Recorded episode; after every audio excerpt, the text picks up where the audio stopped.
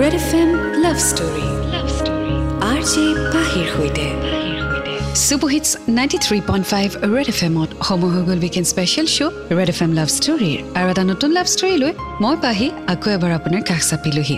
আজি যিখন চিঠি হাতত লৈছোঁ এই চিঠিখন পঠিয়াইছে জুবিৰ আহমেদে বকৰ পৰা। আৰু তেওঁ নিজৰ ষ্টৰীটোৰ নাম দিছে অভিমানী ভালপোৱা। চ' আহক শুনো জুবিৰ আহমেদৰ লাভ ষ্টৰী নমস্কাৰ পাহিবা মোৰ নাম জুবিৰ আহমেদ। মোৰ প্ৰেয়সীৰ নাম নাজমা। মোৰ ঘৰ বুকুত। মোৰ হেণ্ডৰাইটিং বেছি ভাল নহয় পাহিবা। প্ৰথমে মোৰ আন্তৰিক মৰম ল'বা। আশা কৰোঁ তুমি ভালে আছা আৰু সদায় ভালে থাকিবা। আজি মোৰ লাভ ষ্টৰী তোমাৰ মিঠা মাতেৰে প্ৰকাশ কৰিব বিচাৰিছোঁ। বাট ক'ৰ পৰা আৰম্ভ কৰিম কি বুলি লিখিম একো ভাবিয়ে নাপাওঁ। এইখিনিতে এটা কথা নোকোৱাকৈ থাকিব নোৱাৰিম তোমাৰ মাতটো বহুত চুইট তোমাৰ লাভ ষ্টৰীবোৰ শুনি থাকিলে সময় কেনেকৈ পাৰ হৈ যায় গমেই পোৱা নাযায়। মই ৰাতি টোপনি যোৱাৰ আগত সদায় তোমাৰ লাভ ষ্টৰী শুনো। ভাল লাগে বহুত তোমাৰ লাভ ষ্টৰীবোৰ শুনি। মই ভাবিলোঁ তোমাৰ শুৱলা মাতেৰে মোৰ লাভ ষ্টৰীটো প্ৰকাশ কৰোঁ। আশা কৰোঁ আপুনি মোৰ লাভ ষ্টৰীটো পঢ়িব বুলি। পাহিবা মোৰ লাভ ষ্টৰী আৰম্ভ হয় দুহেজাৰ ষোল্ল চনত। তেতিয়া মই প্ৰবীণ কুমাৰ চৌধুৰী হাইস্কুলত নৱম শ্ৰেণীত পঢ়োঁ। মই এম ই স্কুল পাছ কৰি হাইস্কুলত এডমিশ্যনৰ কাৰণে ফৰ্ম জমা দিবলৈ যাওঁ মোৰ বন্ধুৰ সৈতে।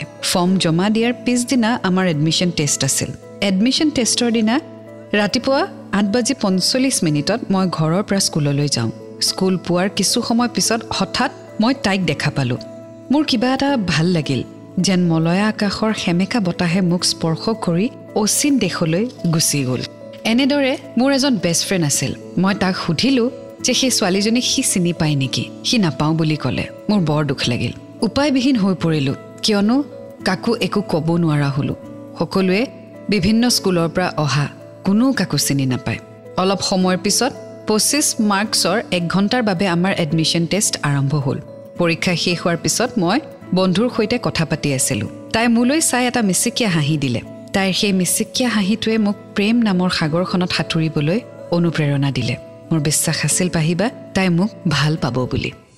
চ' আজি শুনি গৈ থাকিম জুবিৰ আহমেদৰ লাভ ষ্টৰী অভিমানী ভালপোৱা ৰেড এফ এম বজাতে ৰহো। Red F M love story love story R J পাহিৰ সৈতে। Superhits ninety three point five red F এমত মই আছোঁ আপোনাৰ সৈতে পাহি। শ্ব' চলি আছে weekend special red F M love story আজি শুনি আছোঁ জুবিৰ আহমেদৰ লাভ ষ্টৰী অভিমানী ভালপোৱা আগলৈ তেওঁ লিখিছে পিছদিনাখন আমাৰ এডমিশ্যন টেষ্টৰ ৰিজাল্ট দিলে। মই পাছ কৰিলোঁ আৰু তাইৰ ৰিজাল্টটো চাবলৈ হেঁপাহেৰে ৰৈ আছিলোঁ। বাট চাব নোৱাৰিলোঁ কাৰণ তাইৰ নাম ঠিকনা ৰোল নম্বৰ একোৱে মই নাজানো। পিছদিনাখন আমাৰ এডমিশ্যন আছিল। হঠাৎ দেখা পালোঁ তাইও এডমিশ্যনৰ কাৰণে আহিছে। বহুত ভাল লাগিল। যেন নিভাজ হাবিৰ মাজত হেৰাই যোৱা কুলি চৰাইটো মোক বিচাৰি বিচাৰি মোৰ কাষলৈ আহিছে। কুলি চৰাইৰ লগত তাইক এইটো কাৰণে তুলনা কৰিছোঁ পাহিবা তাইৰ মাতটো একেবাৰে কুলি চৰাইৰ দৰে। কুলি চৰাইৰ মাতটো শুনিলে তাইৰ মাতলৈ মনত পৰে। পাহিবা সঁচাকৈ তাইৰ সেই মিচিকীয়া হাঁহিটোৱে মোৰ নিদ্ৰা হৰণ কৰি যেন অচিনাকি দেশলৈ লৈ গুচি গৈছিল। মই বিয়াকুল হৈ পৰিলোঁ তাইৰ সৈতে অকণমান কথা পাতিবলৈ তাইৰ পৰা অলপমান মৰম পাবলৈ। তাইবিহীন মোৰ জীৱন আধৰুৱা অনুভৱ হ'বলৈ ধৰিলে। এনেদৰে আমাৰ নৱম শ্ৰেণীৰ ক্লাছ আৰম্ভ হ'ল। মই তাইৰ লগত ফ্ৰেণ্ডশ্বিপ কৰিবলৈ বহুত চেষ্টা কৰিলোঁ বাট তাই মোক ইগন'ৰ কৰিবলৈ ধৰিলে। লাহে লাহে আমাৰ অলপ ফ্ৰেণ্ডশ্বিপ হ'ল। আমাৰ মাজত কথা হ'বলৈ ধৰিলে। মই তাইক নাম ঠিকনা সুধিলোঁ। তাই বহুত লাজ কৰিলে কিয়নো তাই মোৰ একেখন গাঁৱৰে হয়। তাই মোক চিনি পাইছিল কিন্তু মই চিনি পোৱা নাছিলোঁ কাৰণ মই দেউতাৰ কৰ্মসূত্ৰে নাগালেণ্ডত আছিলোঁ। দুহেজাৰ তেৰ চনত অসমলৈ আহিলোঁ দহ বছৰ দেউতাৰ সৈতে নাগালেণ্ডত আছিলোঁ। সেইবাবে তাইক মই ভালদৰে চিনি নাপাইছিলোঁ কিন্তু তাই মোক চিনি পাইছিলে। চ' আগলৈ কি হয় জানিবলৈ শুনি থাকক আজি story and red F M বেজাতে ৰহো। Red F M love story love story R J পাহিৰ সৈতে।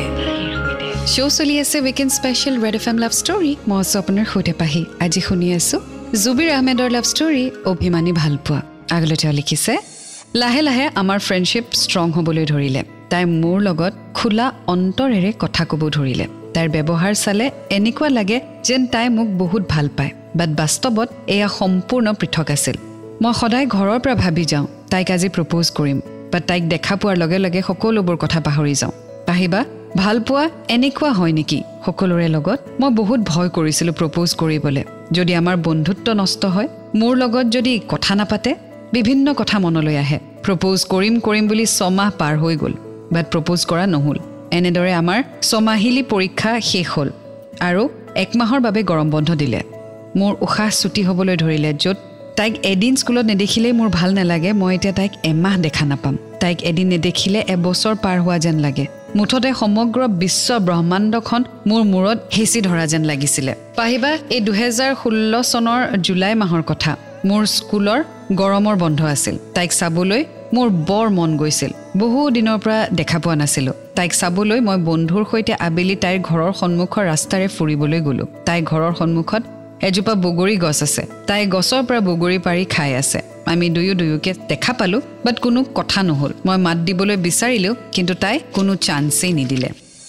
চ' যদিও জুবিৰ নাজমাৰ প্ৰেমত পৰিছে but Najma was very ignorant ignorant in the sense হয়তো নাজমাই গমেই পোৱা নাই যে জুবিৰৰ মাইণ্ডত কি চলি আছে।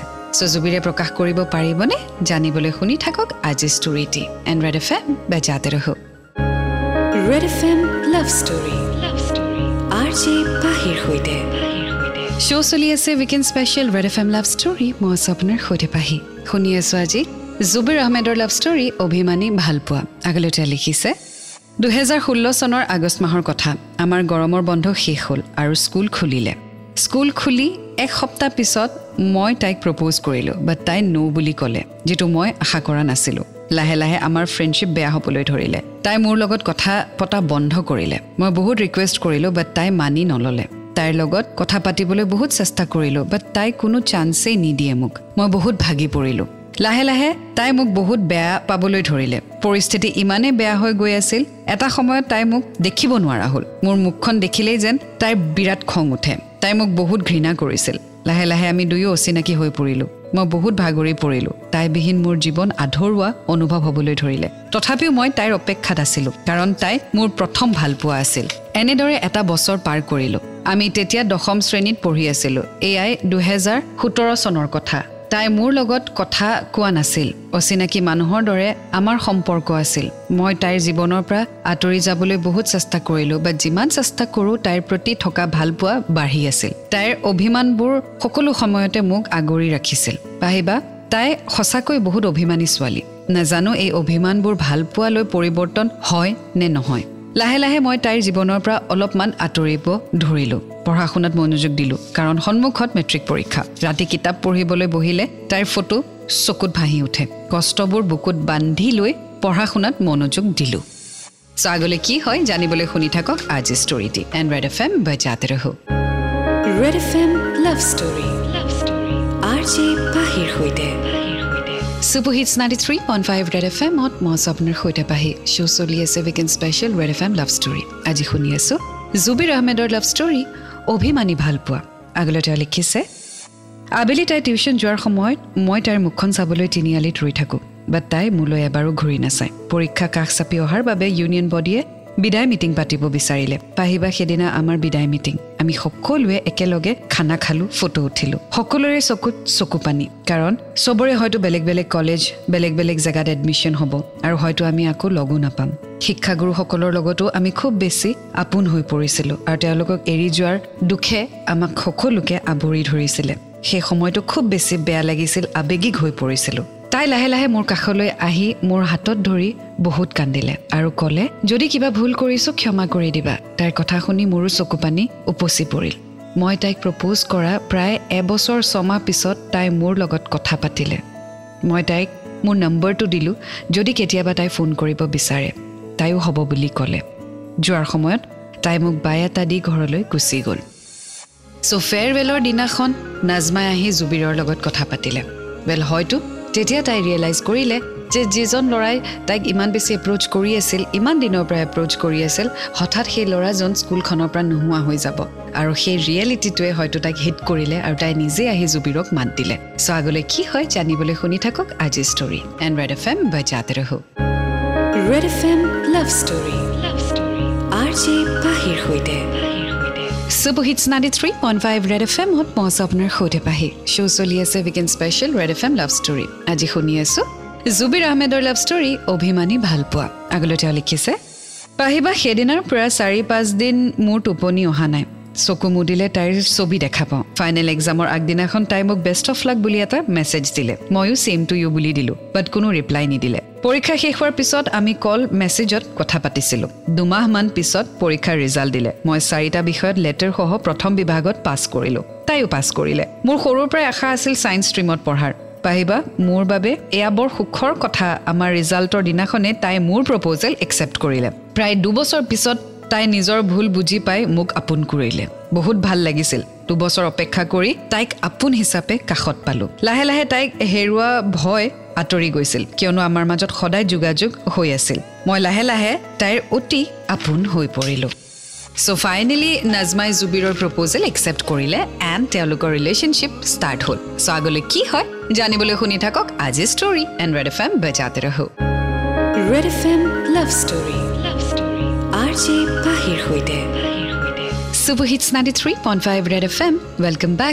চলি আছে weekend special red F M love story আজি শুনি আছোঁ জুবিৰৰ লাভ ষ্টৰী অভিমানী ভালপোৱা আগলৈ তেওঁ লিখিছে দুহেজাৰ ওঠৰ চনৰ কথা মই দক্ষিণ কামৰূপ মহাবিদ্যালয় মিৰ্জাত বিজ্ঞান শাখাত এইচ এছ ফাৰ্ষ্ট ইয়েৰত এডমিশ্যন ল'লোঁ আৰু তাই কলা শাখাত এডমিশ্যন ল'লে আমাৰ ভালপোৱা ঠিকেই চলি আছিল পাহিবা মাজে মাজে সৰু সৰু কথা লৈ আমাৰ কাজিয়া হয় দুই একদিন পিছত তাইৰ খং কমিলে নিজে নিজে ভাল পায় পাহিবা তাই বহুত অভিমান কৰি থাকিব পাৰে। সেই অভিমানবোৰ ভাগিবলগীয়া হয়। মোৰ মৰম ভাল পোৱাৰ বাবে তাই অভিমান কৰে। অলপমান মৰম পালে তাইৰ অভিমানবোৰ নাইকিয়া হয়। এনেদৰে আমাৰ ৰিলেশ্যন চলি থাকিলে। আমি তেতিয়া এইচ এছৰ ফাইনেল বেটছ সন্মুখত তাইৰ ডাঙৰ বাৰ বিয়া। তাই ঘৰলৈ আহি মোক ইনভাইট দিলে। মই তাইৰ বাৰ বিয়া খাবলৈ গ'লোঁ আৰু এটা গিফ্ট ল'লোঁ। তাই মোৰ গিফ্টটো চিন ৰাখিছিল আৰু বিয়াৰ পিছত ধুনীয়াকৈ মই দিয়া গিফ্টটো শ্ব'কেছত সজাই ৰাখিছিল। পাহিবা মই তাইক লৈ বহুত সুখী। দুয়ো দুয়োকে বহুত সন্মান কৰোঁ। মই কেতিয়াবা যদি খং কৰোঁ তাই বহুত কান্দে। ভাত পানী একো নাখায়। সেইবাবে মই তাইৰ লগত একেবাৰেই খং নকৰোঁ। দুহেজাৰ বিছ চনৰ কথা পাহিবা আমাৰ এইচ এছ ফাইনেল এক্সাম শেষ হ'ল। তেতিয়া তাইক ঘৰৰ পৰা বিয়া দিয়াৰ কথা চলি আছিল। তাই কথাটো গম পালে আৰু ফোন কৰি সকলোবোৰ কথা মোক ক'লে। মই তাইক মনে মনে থাকিবলৈ ক'লোঁ। লাহে লাহে পৰিস্থিতি বেয়া হ'বলৈ ধৰিলে। তাই বিয়াত নবহো বুলি কোৱাত তাইৰ বাহঁতে বহুত খং কৰিলে। তাই আমাৰ ভালপোৱাৰ কথাবোৰ ঘৰত ক'লে। তাইৰ ঘৰৰ পৰা আমাৰ ৰিলেশ্যনশ্বিপটো একচেপ্ট কৰা নাছিল। তাইক বহুত খং কৰিলে। তাই সকলোবোৰ কথা মোক ফোন কৰি কান্দি কান্দি ক'লে। চ' আগলৈ কি হয় জানিবলৈ শুনি থাকক আজি ষ্টৰি দিম এণ্ড ৰেড এফ এম বেজাতে ৰহো। Red F M love story love story R J পাহিৰ সৈতে। ৱেলকাম বেক শ্ব' চলি আছে weekend special red F M love story মই আছোঁ আপোনাৰ সৈতে পাহি আজি শুনি আছোঁ জুবিৰৰ লাভ ষ্টৰী অভিমানী ভাল পোৱা আগলৈ তেওঁ লিখিছে কেইদিনমান পাছত তাইৰ বায়েকে মোক ফোন কৰি বিভিন্ন কথা ক'বলৈ ধৰিলে মোক ৰিকুৱেষ্ট কৰিলে তাইক পাহৰি যাবলৈ মোক তাইৰ পৰিয়ালে মানি ল'ব পৰা নাছিল মই এজন দুখীয়া ঘৰৰ ল'ৰা আৰ্থিক অৱস্থা তাইৰ পৰিয়ালতকৈ বহুত বেয়া আছিল পাহৰিব ক'লে জানো পাহৰিব পাৰি পাহিবা মই সকলোবোৰ কথা মনে মনে শুনি থাকিলোঁ। একো উত্তৰ দিয়া নাছিলোঁ। পাহিবা ভাল পোৱা ধন সম্পত্তি চাই হয় জানো? মই বহুত ভাগি পৰিলোঁ। তাইবিহীন মোৰ জীৱন আধৰুৱা হৈ পৰিব। বিভিন্ন চিন্তাৰে মোৰ মন ভৰি পৰিল। আমি দুয়ো সমাধান বিচাৰি পোৱা নাই। মই তাইক জীৱন সংগী কৰাৰ সিদ্ধান্ত ল'লোঁ। তাইও একচেপ্ট কৰিলে।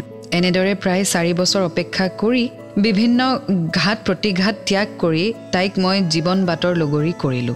এতিয়া আমি দুয়ো দুয়োকে লৈ বহুত সুখী। দুখীয়া হ'লেও নিজৰ ভালপোৱাক লৈ আমি বহুত সুখী। পাহিবা ভালপোৱা এনেকুৱাই ভালপোৱাই অসম্ভৱকো সম্ভৱ কৰিব পাৰে। এয়াই মোৰ লাভ ষ্টৰী পাহিবা। Well thank you so' much Jubir তুমি তোমাৰ লাভ ষ্টৰী শ্বেয়াৰ কৰিলা and congratulations that you had a successful love story but still for previously মই নামসমূহ চেঞ্জ কৰি দিছোঁ। আৰু মই এইটোও ধৰিব পৰা নাই যে ঘৰৰ সন্মতিমতে তোমালোকে বিয়া হ'লা নে কি হ'লা তুমি চিঠিখনত ক্লিয়াৰলি লিখা নাই। Anyway I wish you all the best I wish you both a very happy life ahead so' এয়া আছিলে আজি জুবিৰ আহমেদৰ লাভ ষ্টৰী অভিমানী ভালপোৱা। আপুনিও আপোনাৰ ষ্টৰীসমূহ মোক চিঠিৰ জৰিয়তে পঠিয়াব। ফেচবুক ইনষ্টাত আপুনি ঠিকনাটি পাব নতুবা মোক মেছেজ কৰিব। মই আপোনাক ঠিকনাটি জনাই দিম আৰু ইউটিউব চেনেলত আপলোড হওঁতেও আপুনি ডেছক্ৰিপশ্যনত চাব তাত ঠিকনাটি লিখা থাকে। চ' ষ্টৰিজসমূহ শ্বেয়াৰ কৰি থাকিব আৰু এটা নতুন ষ্টৰীৰ সৈতে আকৌ লগ পাম। Until then to fall in love it's a great feeling you will get to learn a lot and always remember I love you and red F M বজাতে ৰহো